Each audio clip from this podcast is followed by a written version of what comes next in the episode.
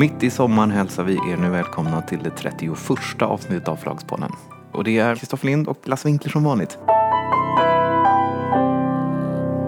Så i, när vi sitter här i podden och pratar om olika saker och konstaterar att det har hänt någonting nu och det är många förlag som har det svårt nu och sådär. Så har det slagit mig att det kanske inte alltid är så att det var bättre förr. Um, och jag har tänkt lite på det där och eh, det är kanske tvärtom så att det var sämre förr i vissa avseenden.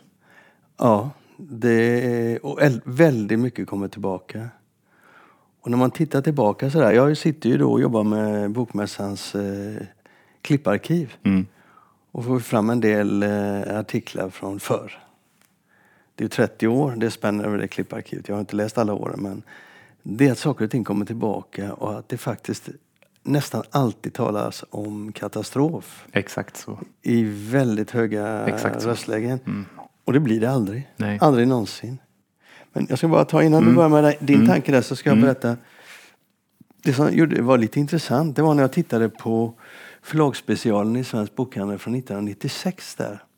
Så tittade jag på, och det är ju 1995 då, de fem första förlagen. Det var ju Bonnierförlagen var ju störst. Och sen var Natur och kultur Har du omsättningssiffrorna också? Ja, fast där är det ju... Man kan, tar man Bonnierförlagen då så är det så mycket annat som är med. Så den är 2,5 miljarder. Så Mm. den är inte riktigt rättvis. Men det är ju massa olika saker med det. Men Naturkultur hade 293 miljoner.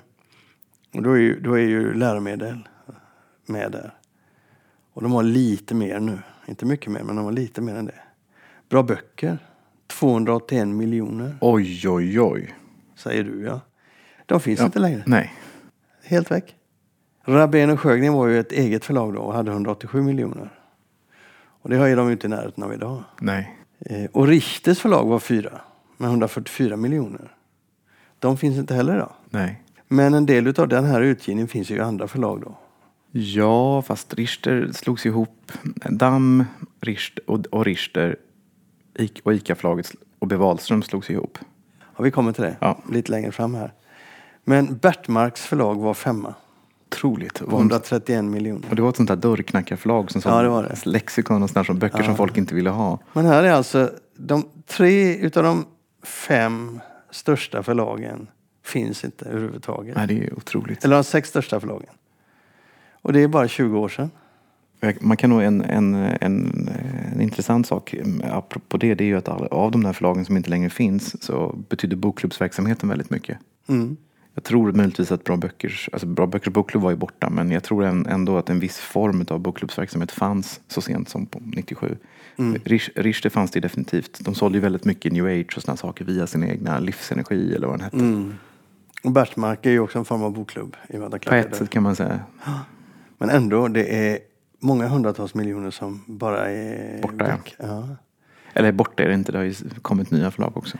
Men, men en sak som vet du skulle intressera dig där. Jag, jag såg ett par siffror om, om hur mycket man omsatte per, per anställd. Mm, jo, vi talade om det tidigare. Ja.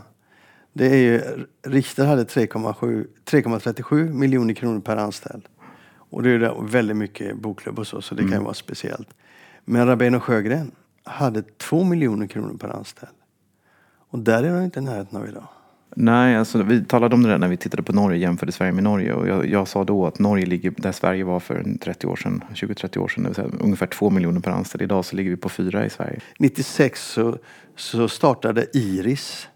Kassettboksförlaget. Kassettboksförlaget bytte namn till Iris och gav ut sin första CD.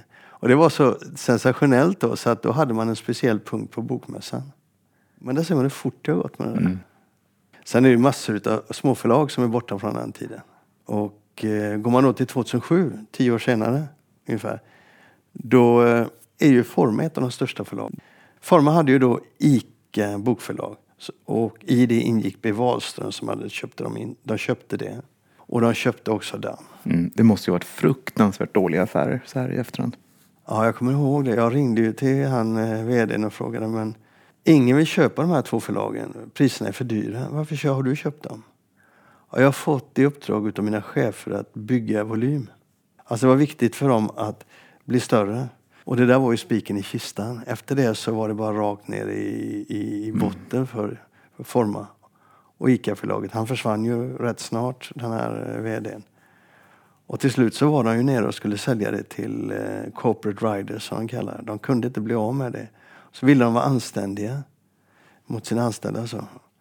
Och då vet jag, jag skrev en ledare i Svensk Bokhandel där jag, där jag liksom markerade att jag ser vad ni gör. För att de inte skulle sälja till corporate riders som skulle köpa upp dem och dela ut dem så att säga. Bara eh, ta det godaste inkråmet och sen slänga förlaget. För det fanns ingenting kvar. Nej. Jag trodde det var ganska svår också, sammanslagning av förlag. Det var tre förlag med, med tre helt olika profiler på tre helt olika adresser. Ett Malmökontor, ett Stockholmskontor och ett Västeråskontor. Ja, så de behöll rätt länge. Ja.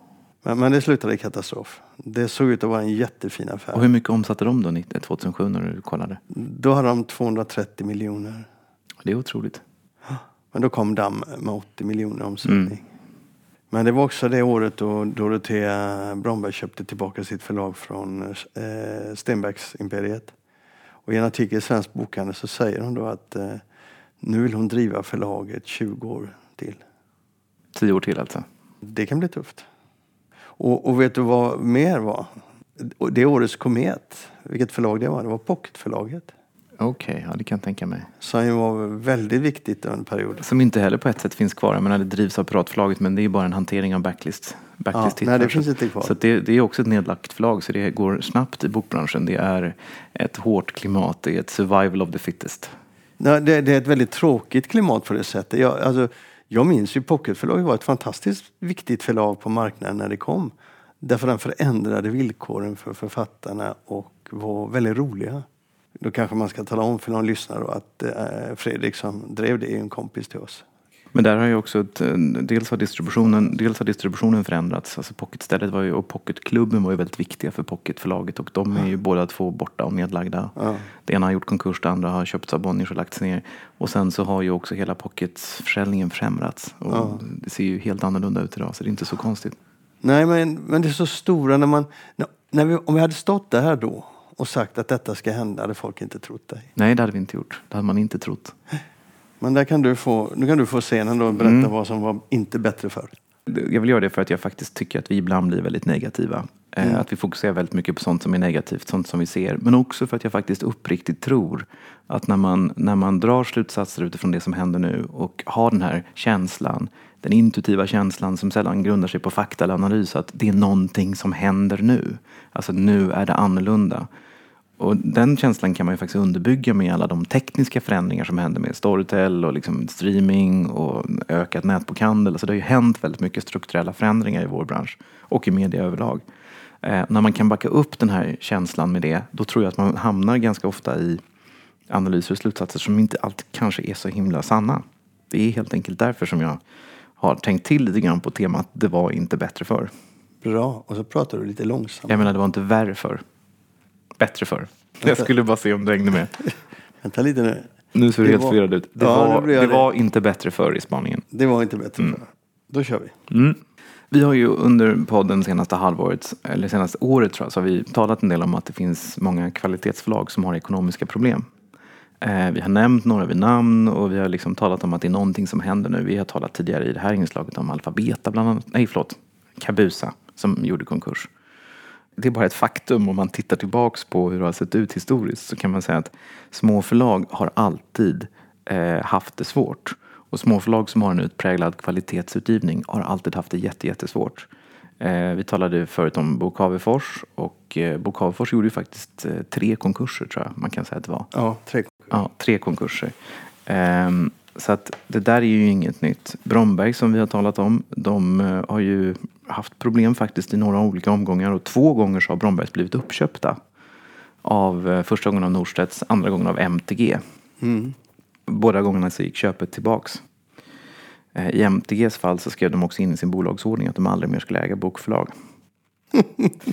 Men, eh, och Brombergs är ju ett sånt där tacksamt exempel eftersom, eller det är tacksamt att ta upp Bromberg som ett exempel på ett förlag som nu inte går att driva just för att de har en sån fin utgivning och det är översatt litteratur och det är kvalitetslitteratur och det är just det här som har blivit så svårt.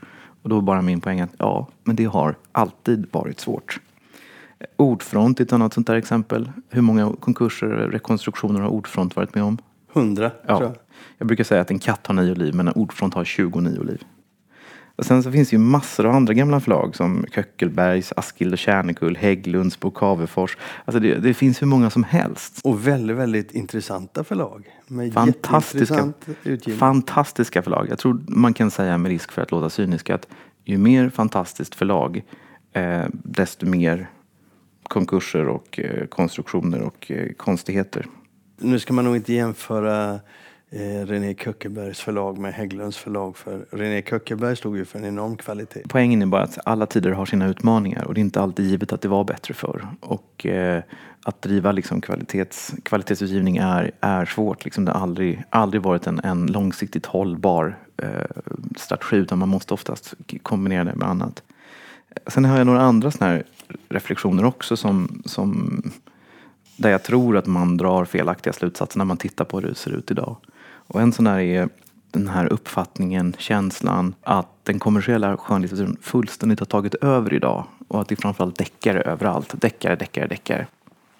Det här är lite svårt, men det finns statistik. Men det finns inte riktigt statistik på hur stora del av förlagens intäkter som kommer från olika, olika genrer. Så det är svårt att säga någonting om det här. Men en reflektion som jag har gjort det är ju att förr i tiden, och det, man behöver inte gå tillbaka mer än till 1996, då bokklubbarna var fruktansvärt stora, så såldes enorma mängder utav ganska dålig underhållningslitteratur i översättning genom bokklubbarna. Men det var försäljning som aldrig syntes. Liksom.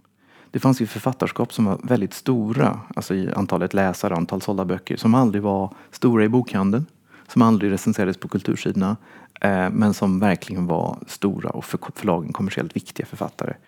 Eh, det var, vi, jag menar, såna författare som Sidney Sheldon och sånt, alltså det var ju jättestora författare. Jag tror hon sålde i bokhandeln också, men det var ju, det var ju sånt som liksom såldes inom andra kanaler.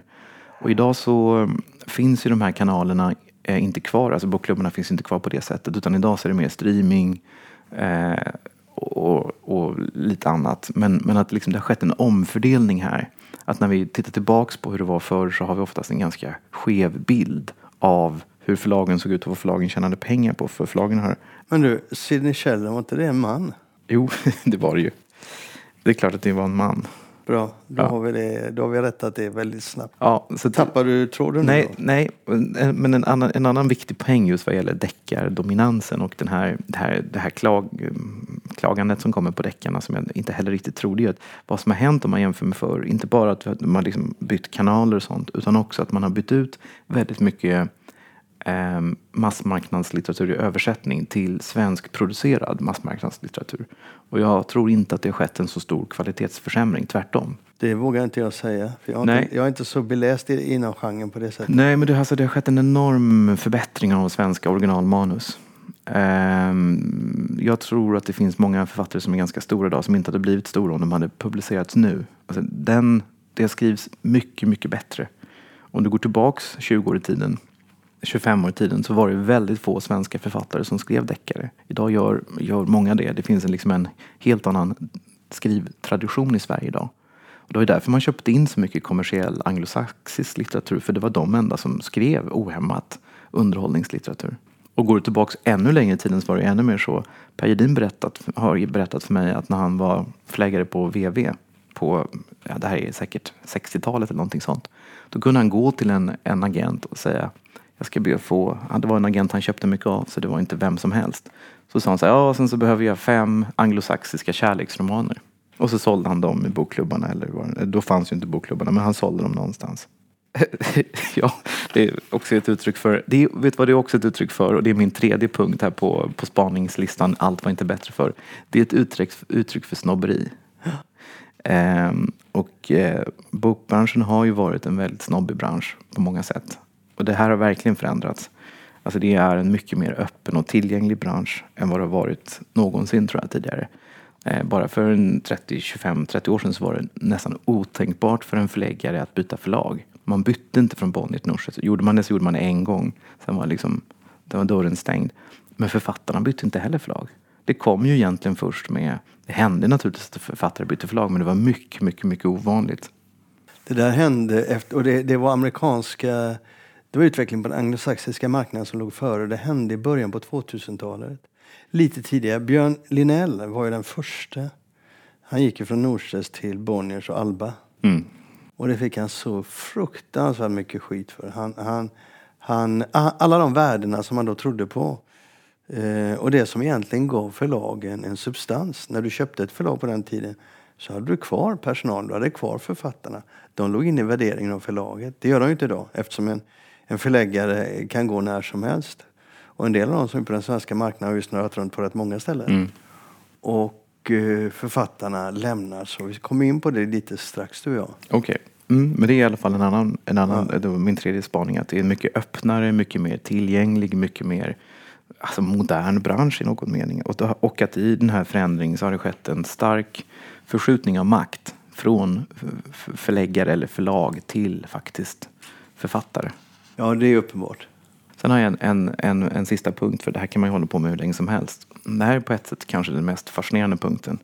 Och det är att om man tittar på hur stor del av befolkningen som lägger tid på att läsa en bok varje vecka och hur lång, mycket tid de lägger på att läsa en bok. Det finns ju sådana mätningar som har pågått sedan 80-talets början.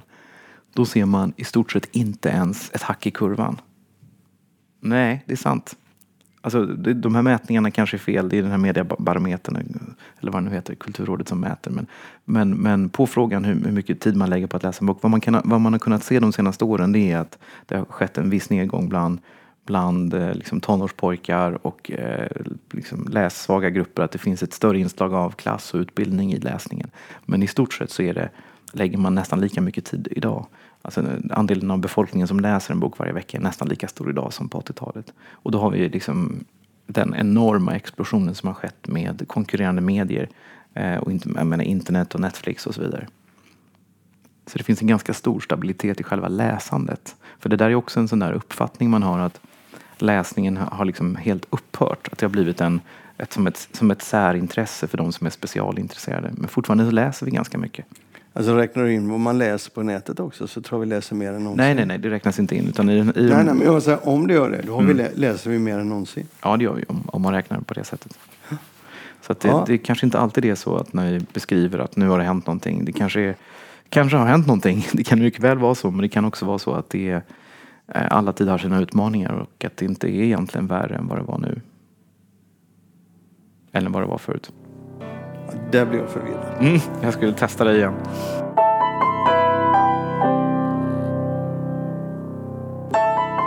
Här kommer jag tillbaka till en av mina gamla käpphästar hela tiden. Och det är höstens böcker.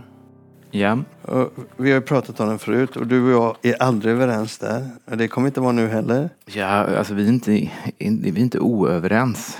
Eller vad säger man? Osams, oöverens. Oöverens låter bra, det kan vi ha. det är ju bara det att jag, jag tror att du kommer, du kommer få fel och jag kommer få rätt. Och det är väl det som du ska reta upp nu. nu. Precis, det här är ju ett uttryck för att jag får rätt.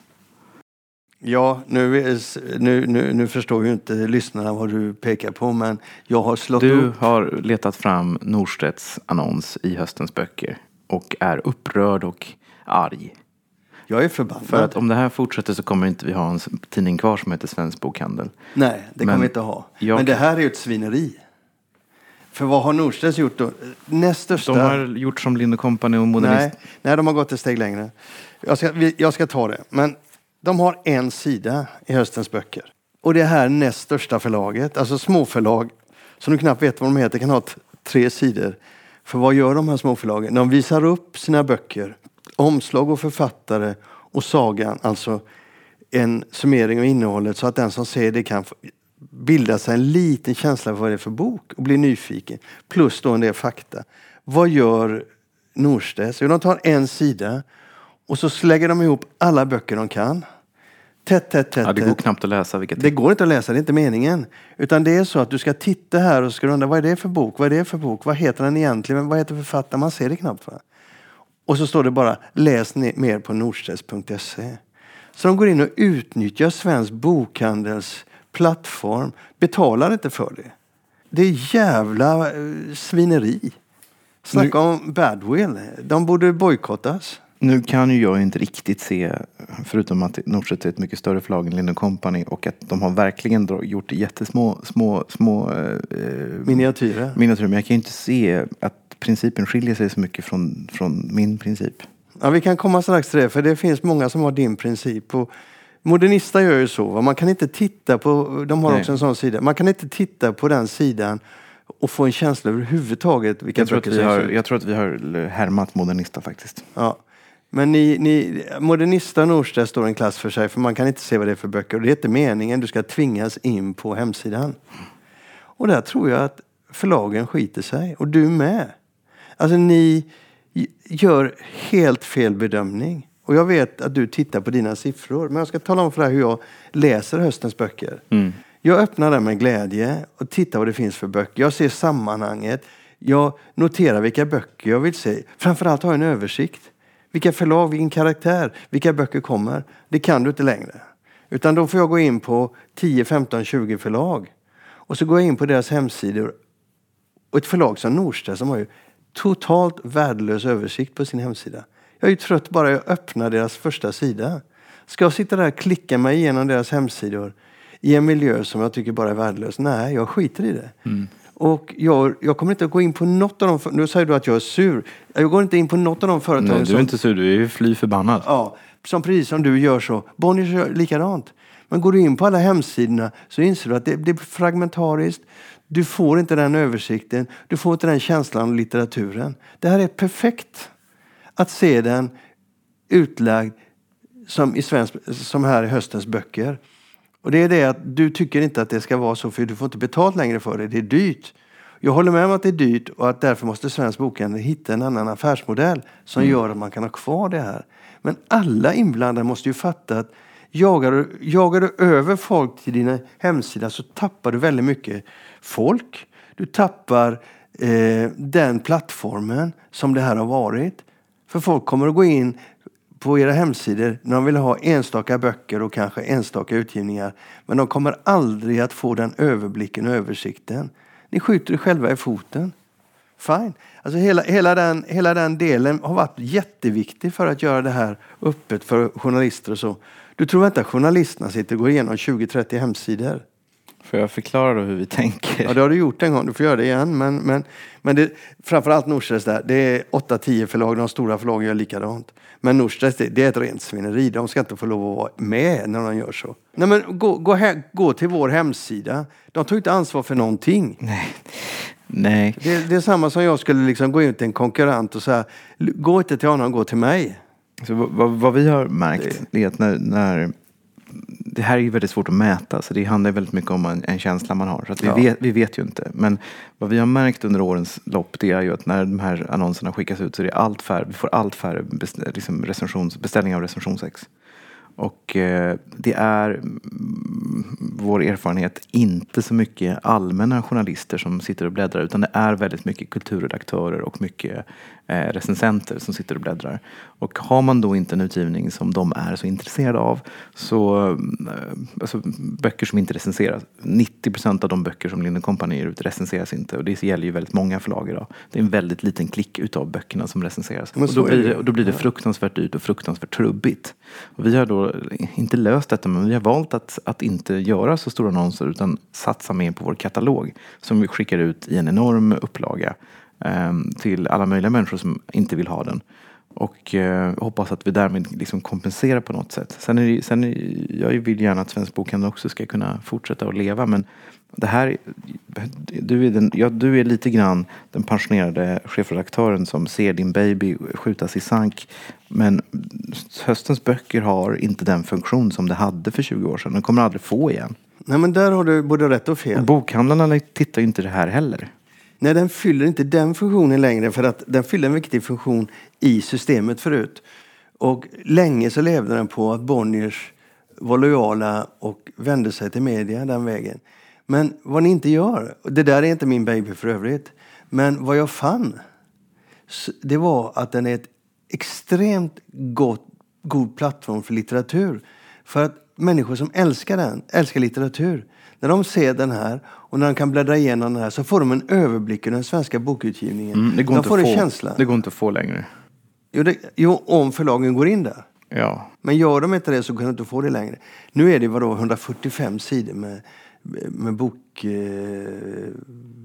Men med kan, nya böcker. man kan också vända på det. Så här, I, takt med, Vuxen. I takt med att det här har tappat sitt värde lite grann så, och vi drar ner på våra annonser så har ju inte heller pris eh, lappen ändrats utan de tar ju fortfarande samma hutlösa priser. Så Ja. De hade ju också kunnat komma till oss och säga så här, vi har noterat att ni har valt den här Exakt, de lapplösningen och har ni, liksom, vi skulle kunna erbjuda er om ni är beredda att gå upp liksom, och satsa lite grann så kan vi hitta den här lösningen för er. Men något sådant, eller ge oss annonser i övriga tidningar. eller någonting sånt. Men, men så har det inte varit.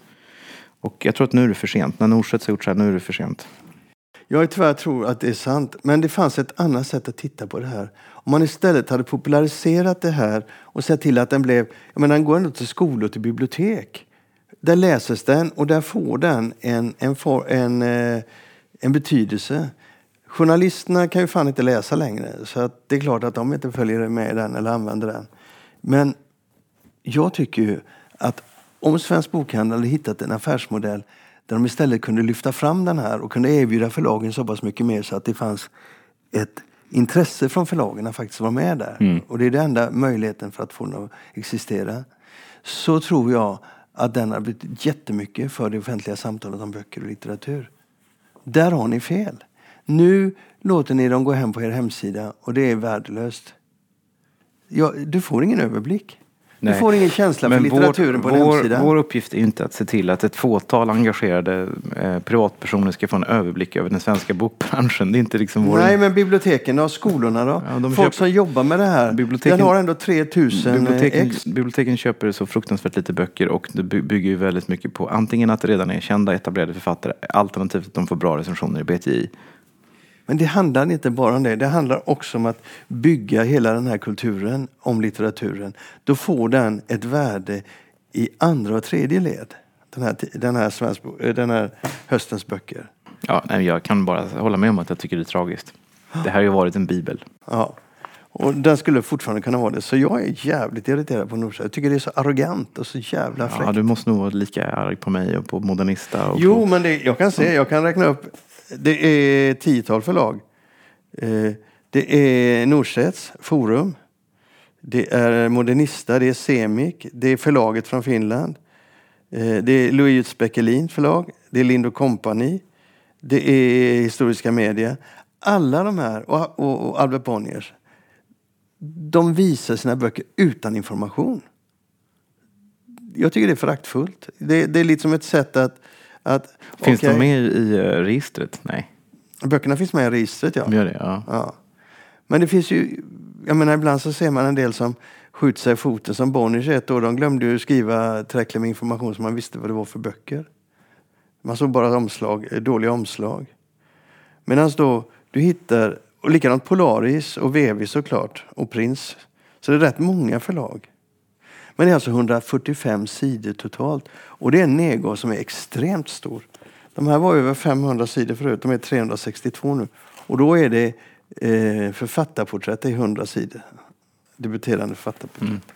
Så att det, där är en, det där är en produkt som kommer att försvinna och förlagen är så jävla fantasilösa så de fattar inte vad är de kan förlora. Istället för att tillsammans bygga upp en sån plattform. Den finns inte i de övriga nordiska länderna.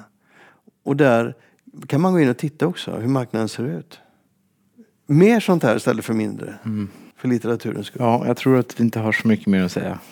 Vi kommer inte vara överens där. Nej, jag, har inte, jag, håller inte, jag håller med dig att det är tråkigt men jag kan inte se att det är vår uppgift att betala dyra annonser som inte ger något. Det är det faktiskt inte, nej. Det håller jag med dig om. Utan då måste Svensk Bokhandel se till att skapa ett annan affärsmodell runt det här. Och det går.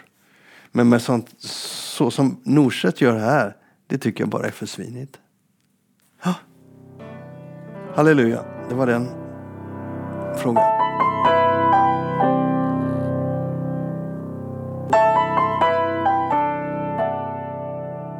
Adlibris, ja. Mm. Den debatten om uh, Adlibris prissättning Ja. har blivit lite inflammerad nu när, eh, när Mats Ahlström på Bokhandlarföreningen gick ut i ett debattinlägg i Svensk Bokhandel och tyckte att Adlibris är liksom hål i huvudet när de säljer eh, Leif G Persson för 169 spänn. Mm.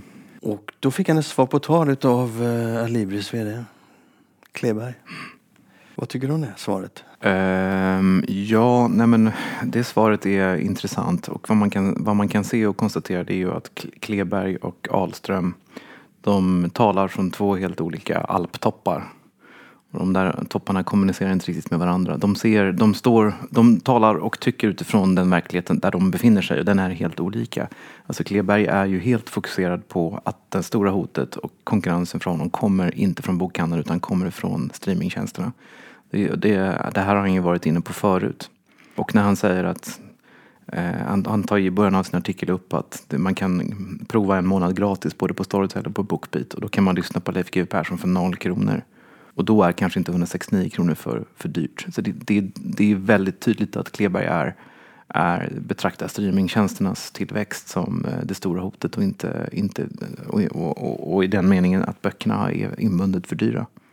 Men det är den ena sidan. Men, eh, att då prissätta böcker som de gör då. Jag vet inte om det är svaret. Jag kan inte säga att det är svaret på streamingtjänsternas framgångar. Jag ser bara att det är en helt onödig... Det är klart som läsare så är jag ju nöjd om jag gillar att köpa en pappersbok så jag är nöjd att den är billig. Men i slutändan blir det som skjuta, Det där har han på mig i 20 år nu. Skjuta sig själv i Mm. foten, marknaden. Jag säger inte att han, eh, han har rätt, jag säger bara att det är så han tänker. Ja. Sen har han ju varit väldigt mycket, han har också en annan, en annan, en annan käpphäst. Det är ju att han tycker att förlagen jobbar för mycket med olika format. Och att när boken kommer inbundet är den för dyr. Eh, och han är övertygad om att om man hade ett lägre pris när böckerna kommer inbundet, då de får väldigt mycket uppmärksamhet, så skulle man kunna sälja väldigt mycket mer. Och han är också inne på att man ska liksom jobba mer med prisaktiveringar och såna här saker, allt efter en tids gång. Eh, men hans poäng är att först kommer boken inbundet, då är den för dyr. Sen händer ingenting, sen händer ingenting, sen händer ingenting. Och sen kommer den i pocket och då är den för billig.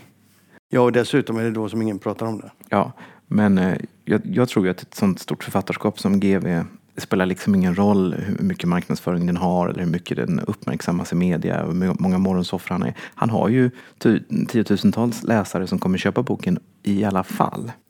Och där tror jag att Mats Ahlström har rätt. Att eh, de hade kunnat ta 200 kronor på Adlibris och det hade inte gjort någon skillnad för att han hade inte, han hade inte sålt han, marginellt mer än, än att ta 169. Och de hade tjänat lite pengar dessutom Ja. som de kunde använda till Ja. andra satsningar. Ja, Mm. Men- Ja, men det, är- det är intressant det där för att eh, jag tror ju att den pris... Jag har ju följt det här i 20 år, prissättning av böcker. Jag har ju sett hur, hur branschen har skjutit sig själv i foten om och om och om och om igen.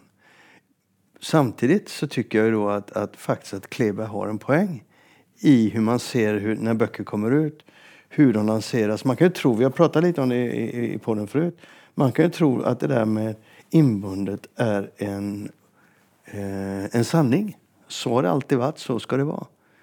Men i Holland där kommer det häftat eller eh, mjuka pärmar först och Jo. inbundet bara om de säljer bra. Jo, men vi ser ju samma utveckling i Sverige också. Inbundet minskar och minskar och minskar och framförallt nya författarskap är otroligt svåra att sälja inbundet. Så vi, vi går ju mot någon slags ny värld där det inbundna kanske också i Sverige kommer, kommer försvinna eller kommer bara förekomma så som det gör i England. Alltså antingen på väldigt stora kommersiella, starka kommersiella titlar eller snarare på lite mer smalare titlar som kanske inte kommer i andra format. Mm.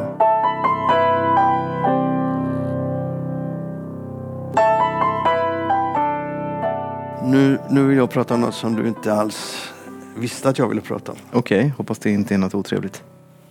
För många är det nog otrevligt. Jag har funderat på det här med bildning. Eh, ja. Så fruktansvärt menlöst sätt att inleda ett, eh, ett samtal om bildning. Men, Men det är ju så oerhört viktigt. för mig är det extremt viktigt. Jag läste nämligen nyligen i eh, Svenskan en understreckare utav eh, en förläggare på Naturkultur. Backman heter han väl? Nej, han heter Anders Berg... Man. Anders Bergman.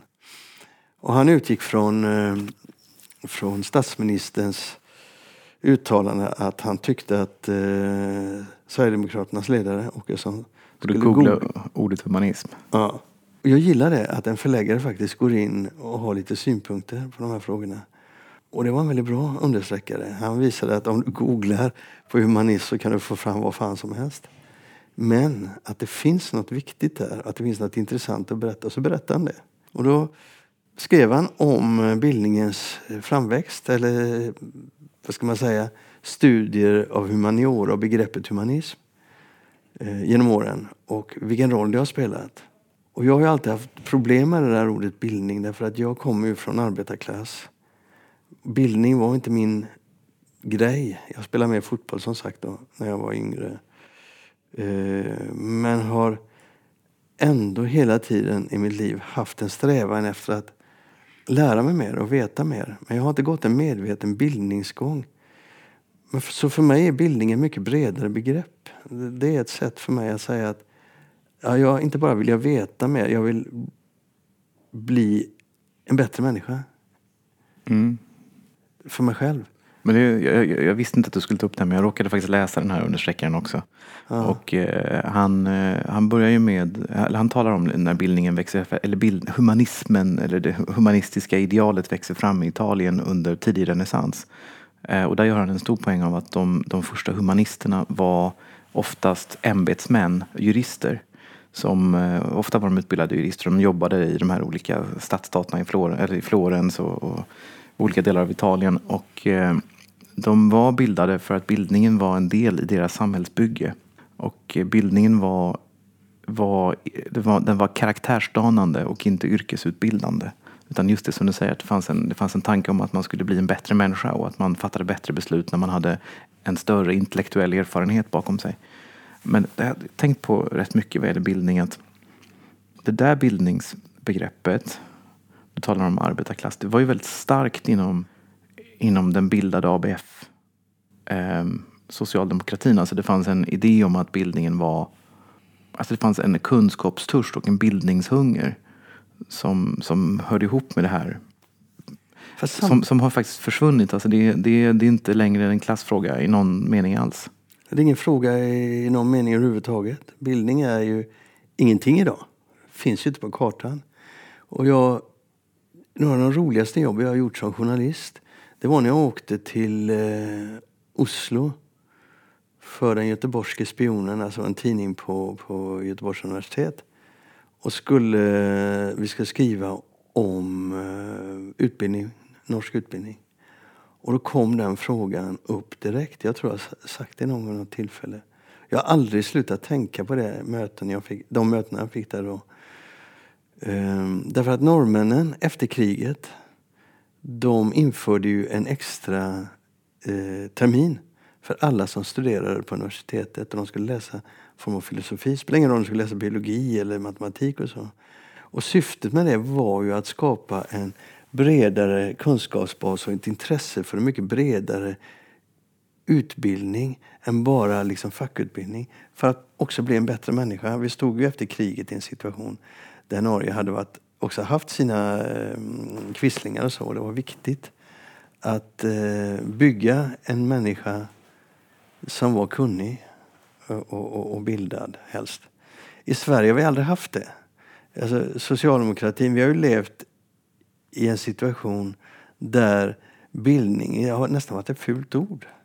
Det ju... blev det någon gång på efterkrigstiden. Ja, men i Norge så la de ju ner den extra terminen och den hade kanske inte hjälpt ändå. Men de kom ju den situationen i Norge där de upptäckte att när de gjorde internationella affärer så var eh, norska företagsledare väck. När de gjorde, liksom hade affärssamtal med... med Men det har ju svenska ja. företagsledare varit sedan 50-talet. Ja, exakt. Det, och, och speciellt när du kommer, kommer ner i Europa och pratar med företagsledare från Frankrike, Italien, Tyskland Spanien, också. Tyskland. Så får du eh, en situation där det är väldigt tydligt, blir tydligt att du är så grund som människa. Så det påverkar affärerna negativt. Varför tror du att, Sverige, var, varför tror du att bildningen i Sverige har så låg status då, i förhållande till övriga Europa exempelvis? Jag vet inte. Det, det har att göra med kulturer. Vi pratade lite om italienska renässanstiden. Så jag menar, res i Italien då, det vet ju du, så ser du ju eh, hur stolta de kan vara över sitt kulturarv. Kanske inte över hur det är just nu, men över sitt kulturarv är de enormt stolta. Men jag vet inte. Jag, jag har inte lärt mig eller förstått den här frågan tillräckligt djupt. Men jag kan ju säga att Socialdemokraterna har ju en enorm skuld i att bildning har blivit så eftersatt som begrepp eller som eftersträvat begrepp. Då, ja, det håller jag ju helt med om. Historia är ju exempelvis inte längre ett kärnämne. Nej, det finns mycket att fundera där. Och jag, jag tycker att vi har fått betala ett högt pris för det. Jag själv har kanske inte gått en bildningsgång som varit så rak och tydlig. Och jag räknar mig inte som bildad i den bemärkelsen. Men jag tycker att det är extremt viktigt med bildning. Och jag ser det, de människorna. Eh, och det kan handla om den ålder jag är också. Att jag, jag ser det på människorna jag pratar med dem. Vilka är intressanta att prata med. Dem, Vilka har ett djup, vilka kan reflektera. Och vilka kan reflektera på ett sätt där man kan sitta i timmar och bara liksom tänka wow, det här är hur roligt som helst. Men det är sällan det sker. Så därför så, så tänkte jag att det är min ingång för att säga till att vi kanske inte bara ska prata om ljudböcker. Vi kanske ska prata om lite mer djupare innehåll också i böckerna emellanåt. ja, ja det, här, det här är ju en... Eh, det, vi kanske kan vara lite mer en bildande podd. Ja, jag vet ju att du har ju en del av det, men vi pratar inte så mycket om det. Nej. det jag, jag, jag vet ju det genom åren när vi har pratat böcker och litteratur som du vill ge ut. Varför, varför eh, du kan bli sorgsen ibland över att böcker som du tycker är viktiga inte går att ge ut. Vi kanske ska beröra det lite mer framöver. Men eh, en, en, eh, en, en väldigt tråkig aspekt av bildning, alltså bildningen i sig handlar ju inte om att den ska leda någonstans. Alltså det handlar om att, att vara bildad är ju att vara bildbar, så att, säga, att vara öppen, att, att liksom kunna ta till sig ny kunskap, att få någon slags bredare, bre, bredare, ett bredare fält för, för sitt seende och sådär. Så det handlar ju väldigt lite om att man ska ha någon praktisk nytta av det. Men eh, jag tror ju ändå att en, eh, Sverige är ju ett sånt fruktansvärt tekniskt land. Allt, vi, liksom, hela, vår, hela vår ekonomi kommer från skogen och järnmalmen och det är ingenjörerna som har byggt Sverige och det är ingenjörerna som har byggt våra stora företag som Ericsson och Atlas och eh, Alfa Laval och ABB och sådär. Vi är väldigt mycket ett ingenjörsland. Ett land där som, som vi kan vara väldigt stolta över. Vi har en väldigt fin sådan ingenjörstradition. Men att vi har, aldrig, vi har inte det här kulturarvet som man har i södra Europa. Vi har heller aldrig värderat det särskilt mycket. Och i den moderna tiden, när den moderna tiden slog igenom så har, så har, har bildning liksom tappat. Det har aldrig, aldrig, det har aldrig funnits, det har aldrig liksom kommit in. Men också att vi har en sån väldigt praktisk syn på att, att utbildning ska leda någonstans och att den ska vara, den ska vara, den, den ska liksom vara användbar. England är också ett land som är väldigt, det är ett väldigt kommersiellt land. USA också. Väldigt, kommersie, väldigt kommersiella länder, väldigt hårda länder och länder som också har en tvivelaktig kulturell bas att stå på. Men i dessa länder så har ju, om man tittar på utbildningsväsendet, så har ju bildningen väldigt hög status. Men det beror på att man har också elituniversitet och elitutbildningar. Ja, nej det är sant. Jag tror ju också att vi aldrig haft fokus på personlig utveckling eh, när, när det gäller de här aspekterna. Eh, att studera för nyttan av att vara människa. För, för om du bildar dig så blir du mer komplex som människa, kan ta mer komplexa beslut och bli klokare med tiden förhoppningsvis. Men den sidan utav eh, utbildning har ju verkligen slagits undan i Sverige. Så att, eh, och där, det kan man också se på förlagens utgivning. Ja, man kan ännu mer se det på förlagens kunder, så att säga, läsarna som inte vill ha den utgivning som... Ja. Men man kan också se det på de anställda i förlagen. Det är inte så jävla många som är så bildade längre. De är mer räknenissar. Ja, nej men, nej men det kan man nog säga. Om man tittar på, om man tittar på förlagschefer exempelvis så eh, har det väl skett en stor förändring. Ehm, att förr i tiden så var förlagscheferna nästan alltid folk som hade jobbat sig upp. Alltså det var oftast en redaktör som hade blivit förläggare som hade blivit förlagschef och som sen blev kanske VD. Idag så på, på VD-nivå, kan- alltså i synnerhet i större organisationerna så har du ju nästan alltid folk som kommer, har en annan bakgrund så att säga, läst ekonomi. Det där är helt annorlunda i Norge. Där har du väldigt mycket bildade människor i ledning för förlagen. Sen kan man diskutera hur, hur, hur effektiva och duktiga de är. Men, men det är alltså mycket roligare för Det, mig. där, som- det är därför den norska bokbranschen är som en enda stor maffia, några olika maffiakonglomerat. För de har Ja, läst ja, för mycket ja. Machiavelli. Det, det, där kan vi inte, det där kan vi inte, det måste vi klippa bort för att det blir alldeles för ytligt att bara säga det. Däremot så är den norska bokbranschen lika stor som svenska, om inte större. På halva befolkningen. Jo, men det är fasta bokpriser och massa oljepengar. Ja, inte bara oljepengarna vet du fan vad de gör med. Men, men vad jag vill ändå säga med det, det är mycket roligare att prata med förläggare i Norge än i Sverige. Och förlagschefer, inte minst förlagschefer. Ja, Det är inte bara så att det var bättre förr, det är också bättre på andra ställen, eller hur? Ja. Mm.